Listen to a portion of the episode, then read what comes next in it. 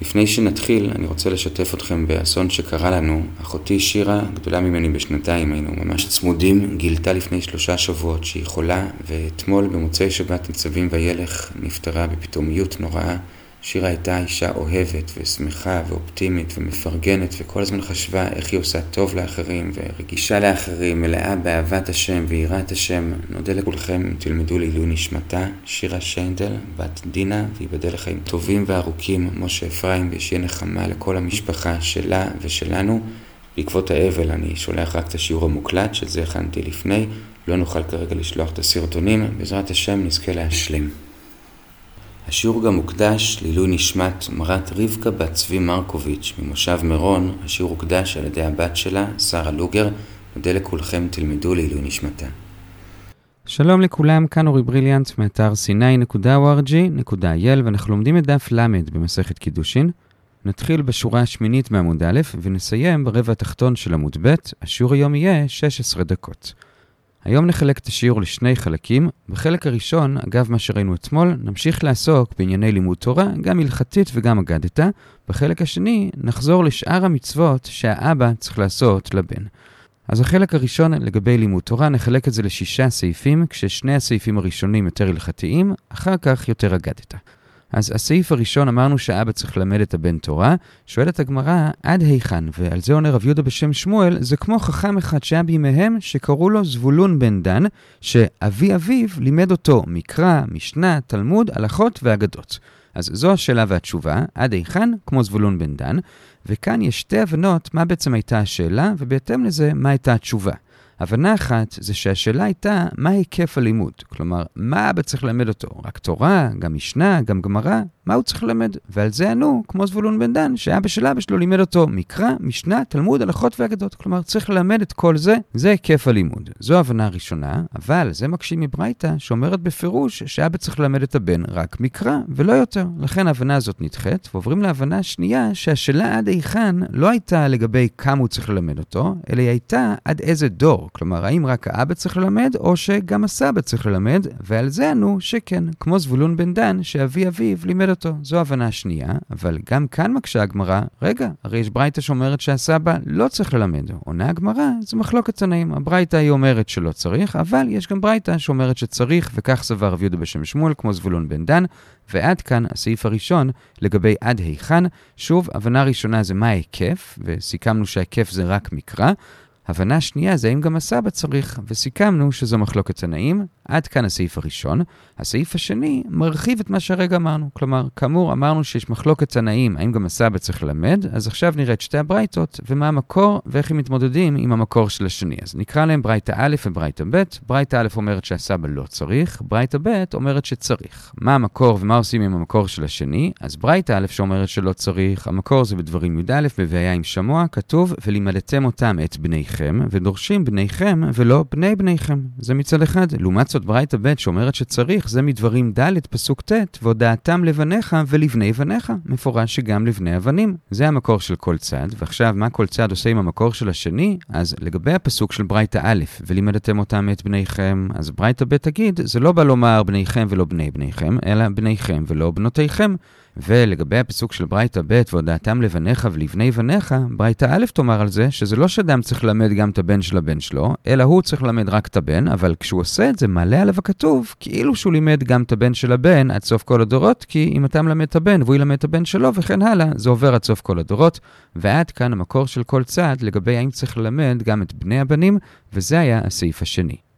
הסעיף השלישי, אם כבר הבאנו את הפסוק בדברים ד' של והודעתם לבניך ולבני בניך, נביא על זה עוד דרשה, וזה שבפסוק אחר כך כתוב, יום אשר עמדת לפני השם אלוקיך בחורב. ורבי יהושע בן לוי דורש על זה שמי שמלמד את בנו תורה, שימו לב שאצלנו כתוב בן בנו, אבל יש כאלה שלא גורסים בן בנו, בכל אופן, מי שמלמד את בנו תורה, אז זה כאילו שהבן קיבל את התורה מהר סיני, שלזה רומז הפסוק אחר כך, יום אשר עמדת לפני השם אלוקיך בחורב. זו הדרשה הנוספת, וזה מלמד על כמה זה באמת חשוב ללמד את הילדים תורה, שזה ממש כאילו קיבלה מהר סיני, ובשביל לחזק את זה מביאים סיפור שכשרבי יהושע בן לוי הלך בבוקר להביא את הבן שלו ללמוד תורה, אז הוא כל כך מיהר בשביל שהבן לא יפספס, שלא היה לו זמן לשים כיסוי ראש מסודר, אלא הוא זרק על עצמו איזה סדין, העיקר שהבן יגיע בזמן ללמוד, וכשהוא פגש את רבי חייא ברבא בדרך, הוא הסביר לו למה הוא כך הולך עם סדין על הראש, ומאז גם רבי חייא ברבא התחיל להקפיד על זה, והוא לא אכל אומצה עד שהוא קודם כל לימד את הבן שלו תורה. ועד כאן הסעיף השלישי, דרשה נוספת על והודעתם לבניך וכולי. הסעיף הרביעי, זה כבר לא מדבר על החובה ללמד את הבן, אלא באופן כללי על לימוד תורה, זה ברבע התחתון של עמוד א', וזה לגבי מה שאנחנו אומרים כל יום בקריאת שמע, ושיננתם לבניך, ולגבי זה נראה שתי דרשות. דרשה ראשונה, אל תקרא ושיננתם, אלא ושילשתם. כלומר, מלשון לשלש, כלומר, אדם צריך לחלק את ימיו, כלומר, את זמן הלימוד שלו, יש מפרשים את ימי השבוע, יש מפרשים את שעות היום, בכל אופן, לחלק אותם לשלושה חלקים, וזה שליש במקרא, שליש במשנה ושליש בתלמוד, זו דרשה ראשונה. בשביל הדרשה השנייה, נקפוץ לרגע לשתי שורות לפני סוף עמוד א', וכאן דורשים ש"ושיננתם" זה מלשון שנון, כלומר מחודד. כלומר שהתורה שאתה לומד צריכה להיות מחודדת בפיך, שאם אדם שואל אותך שאלה, תענה לו מיד. זו דרשה שנייה. ואגב, לומדים את זה לא רק מ"ושיננתם", אלא מעוד שלושה פסוקים, וזה אמור לחוכמה אחותי עד שיכיר את החוכמה כמו שהוא מכיר את אחותו, ופסוק נוסף, קושרם על אצבעותיך, כותבם על לוח ליבך, שהתורה תהיה ממש כתובה על הלב בצורה ברורה, וכחיצים ביד גיבור, כן בני הנעורים, אשרי הגבר אשר מילא את אשפתו מהם, לא יבושו כי ידברו את אויבים בשער, ודורשים את זה שהתלמידים צריכים להיות כמו חיצים משוננים, כלומר מחודדים, כמו שכתוב חיצי גיבור שנונים, וכך אפשר לנצח את אויבים בשער, כלומר בתורה, אז הצד השני הוא כמו האויב, ואפשר לנצח אותו, ובסוגריים הגמרא מעירה שכמובן זה רק אויב בלימוד, זה לא אויב אמיתי, ולא זזים משם עד שנעשים אוהבים, כמו שכתוב בבמדבר, על כן יאמר בספר מלחמות השם, שבהתחלה זה מלחמות, ובסוף זה עת והב בסופה, ועת והב זה מלשון אהבה, ועד כאן עוד דרשות על ושיננתם, וזה היה הסעיף הרביעי, שני דברים על ושיננתם, אחד זה מלשון ושילשתם, ואחד זה מלשון שיהיה משונן, כלומר מחודד, זה היה הסעיף הרביעי. בשביל הסעיף החמישי אנחנו חוזרים אחורה למה שדילגנו, 13 שורות לפני סוף עמוד א', לא ברור למה זה מובא דווקא כאן, אולי זה מובא בהקשר למה שעוד רגע הגמרא תביא על ושיננתם, שיהיה מחודדים בפיך, אז הגמרא מביאה כאן שני דברים על דייקנות בלימוד תורה. עד כמה כשלומדים צריך להיות מאוד מדויק. דבר ראשון אומרת הגמרא, לפיכך נקראו ראשונים סופרים. כלומר, כתוב בדברי הימים א', פרק י"ב, ומשפחות סופרים יושבי יעבץ, והגמרא מבינה שמשפחות סופרים הכוונה היא לתלמידי החכמים של אז, והם נקראו סופרים. סופרים. ולמה סופרים? כי הם היו לומדים בצורה מדויקת את התורה, עד כדי כך שהם ידעו שהוו במילה גחון בויקרא י"א פסוק מ"ב זה בדיוק חצי מאותיות התורה, והמילה דרוש דרש בויקרא י' פסוק ט"ז זה חצי ממילות התורה, זה חצי מתיבות התורה, כלומר מהמילים, והפסוק ויתגלח ותנתק לא יגלח, כלומר ויקרא י"ג פסוק ל"ג, זה הפסוק האמצעי בתורה, ובספר תהילים גם דברים דומים, כשכתוב יחרסמנה חזיר מיער, אז העין שבאות יער זה חצי מהאותיות בתהילים. הפסוקים, והפסוק ורחום יכפר עוון זה חצי מהפסוקים, עד כדי כך הם היו לומדים בצורה מדויקת וספורה. בסוגריים, שואל רב יוסף, כשאמרנו על החצאים, אז באיזה חצי זה? כלומר, הו"ב דגחון זה בחצי הראשון של התורה או בחצי השני? ואותו דבר לגבי והתגלח. אז אומר אביי, מה הבעיה? בוא נספור. אבל אומר לרב יוסף, אנחנו לא יכולים לספור כבר. הראשונים היו בקיאים בחסרות ויתרות ובחלוקת הפסוקים, הם יכלו לדעת. אנחנו כבר, לצערנו, לא יכולים לדעת, אין טעם לספור, כי היום מדייקים פחות. ובכל אופן, עד כאן הדבר הראשון לגבי הדיוק באותיות ופסוקי התורה. הדבר השני לגבי זה, תנו רבנן, הברייתא אומרת לנו בדיוק את מספר הפסוקים שבספרים השונים. בחומש יש 5,888, בתהילים יש 8 פסוקים יותר, ובדברי הימים יש 8 פסוקים פחות, זה מה שאומרת הברייתא. נעיר בסוגריים שלכאורה המספרים הם לא כמו שאנחנו יודעים היום, שבתורה אין 5,888, אלא לא רחוק מזה, 5,845. בתהילים יש לנו הרבה פחות ממה שהגמרא אומרת כאן, רק 2,527, ובדברי הימים עוד יותר פחות, 1,764, תראו בהערות בשוטנשטיין שהוא מדבר על כל ההבדלים האלו, ועד כאן הדבר השני, וזה היה שני דברים בסעיף החמישי לגבי הדייקנות בלימוד תורה. הסעיף השישי זה כבר ברבע העליון של עמוד ב', זה הכוח של לימוד התורה כנגד יצר הרע, ולגבי זה נראה שני דברים.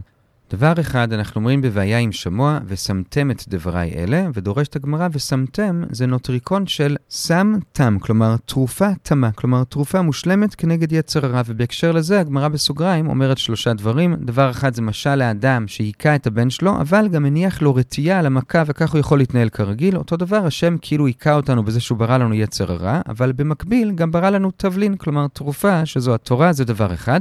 דבר שני, דורשים דבר דומה לגבי הפסוק בבראשית ד', הלא אם תיטיב שאת, ואם לא תיטיב, לפתח חטאת רובץ ולך את שוקתו ואתה תמשול בו, מסבירה הגמרא, אם תיטיב, כלומר תלמד תורה, אז שאת, אתה תוכל להתנשא ולנצח את יצר הרע וגם אתה תמשול בו. אבל אם לא תיטיב, אם לא תלמד תורה, אז לפתח חטאת רובץ ולך את שוקתו, הרי יצר הרע כל הזמן חושב איך להכשיל אותך, זה דבר שני באותו הקשר. ודבר שלישי, אם כבר דיברנו על יצר הרע, אז נאמר עליו עוד שלושה דברים, וזה שקשה יצר הרע, שאפילו היוצר שלו קראו רע, כמו שכתוב כי יצר לב האדם רע מנעוריו, ודבר שני, יצר הרע מתחדש כל יום להכשילו, כמו שכתוב, וכל יצר מחשבות ליבו רק רע כל היום, ודבר שלישי, היצר מתגבר כל יום גם להמיתו, כמו שכתוב, צופה רשע לצדיק, הוא מבקש להמיתו, אבל השם מציל אותו, כמו שכתוב פסוק אחרי זה, שם בתהילים, השם לא יעזבנו ביד. בכל אופן, כל זה היה סוג של סוגריים, בתוך הדבר הראשון, על הכוח של התורה נגד יצר הרע, שהתורה היא סם תם, היא תרופה כנגד יצר הרע.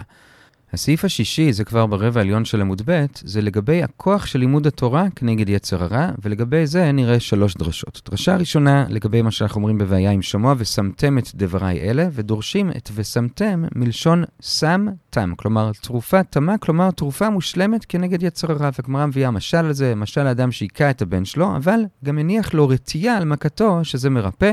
אותו דבר, השם כאילו היכה אותנו בזה שהוא ברא לנו יצר הרע, אבל גם ברא לנו תורה, שזה התבלין, התרופה ליצר הרע.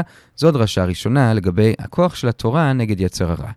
דרשה שנייה זה בפסוק בבראשית ד', הלא אם תיטיב שאת ואם לא תיטיב לפתח אתה תרובץ, ואליך תשוקתו ואתה תמשול בו, ומסבירה הגמרא שאם תיטיב, כלומר אם תלמד תורה, אז שאת, אתה תוכל להתנשא על יצר הרע וגם ואתה תמשול בו, אבל ואם לא תיטיב, אם לא תלמד תורה, אז לפתח אתה תרובץ, ואליך תשוקתו, שכל מסעו ומתנו של יצר הרע זה להכשיל אותך, זו דרשה שנייה.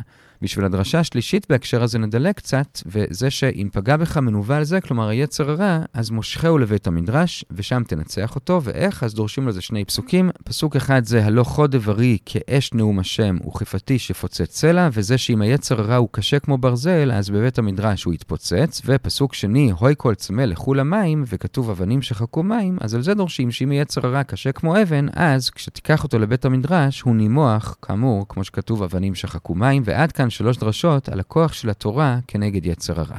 בסוגריים, הקטע שדילגנו עליו זה אם כבר דיברנו על יצר הרע, נראה עוד שלושה דברים עליו, וזה קשה יצר הרע שאפילו יוצרו הקראו רע, ומביאים על זה פסוק, ושיצר הרע מתחדש כל יום להכשילו, וגם על זה מביאים פסוק, ושהיצר מתגבר כל יום לאמיתו, וגם על זה מביאים פסוק, אבל השם מצילו, כמו שכתוב, השם לא יעזבנו בידו, זה היה בסוגריים, ועד כאן הסעיף השישי והאחרון בחלק הראשון לגבי לימוד תורה. הגענו לשליש התחתון של עמוד ב', זה היה כאמור החלק הראשון.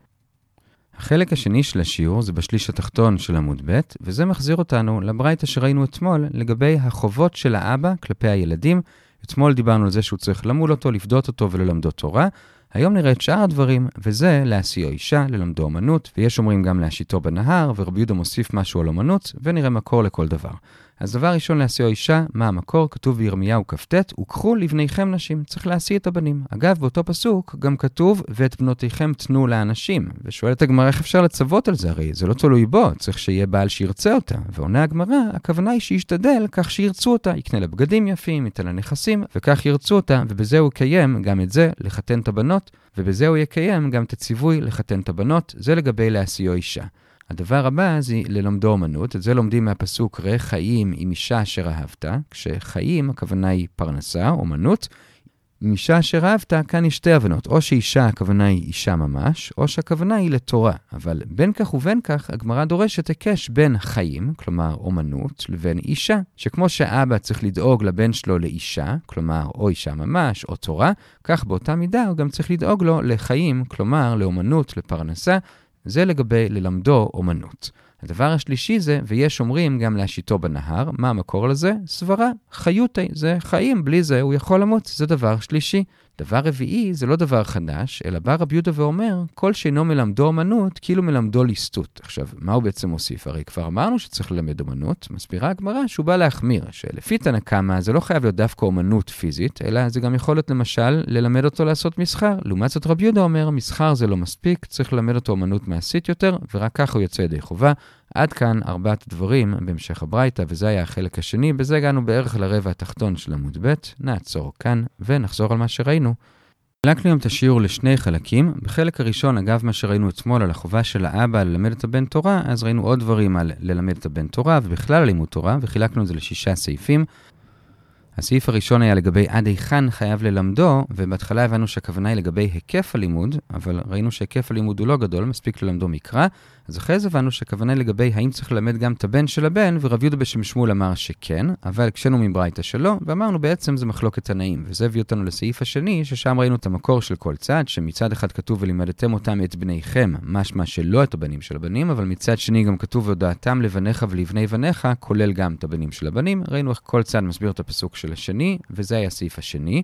בסעיף השלישי, אגב הפסוק של והודעתם לבניך ולבני בניך, ראינו גם שבפסוק אחרי זה כתוב יום אשר עמדת לפני השם אלוקיך בחורב, ודורש על זה ריבל, שמי שמלמד את הילדים, זה נחשב כאילו קיבלה מהר סיני, וזה ממש חשוב ללמד את הילדים, ולכן כשהוא לקח אותם לבית מדרש הוא רצה להגיע בזמן, ולכן הוא לא הספיק לשים כיסוי ראש מסודר, אלא יצא ככה עם סדין. מכאן מוסר לאנשים כמוני שנוטים להביא את הילדים קצת מאוחר לבית ספר, זה היה הסעיף השלישי.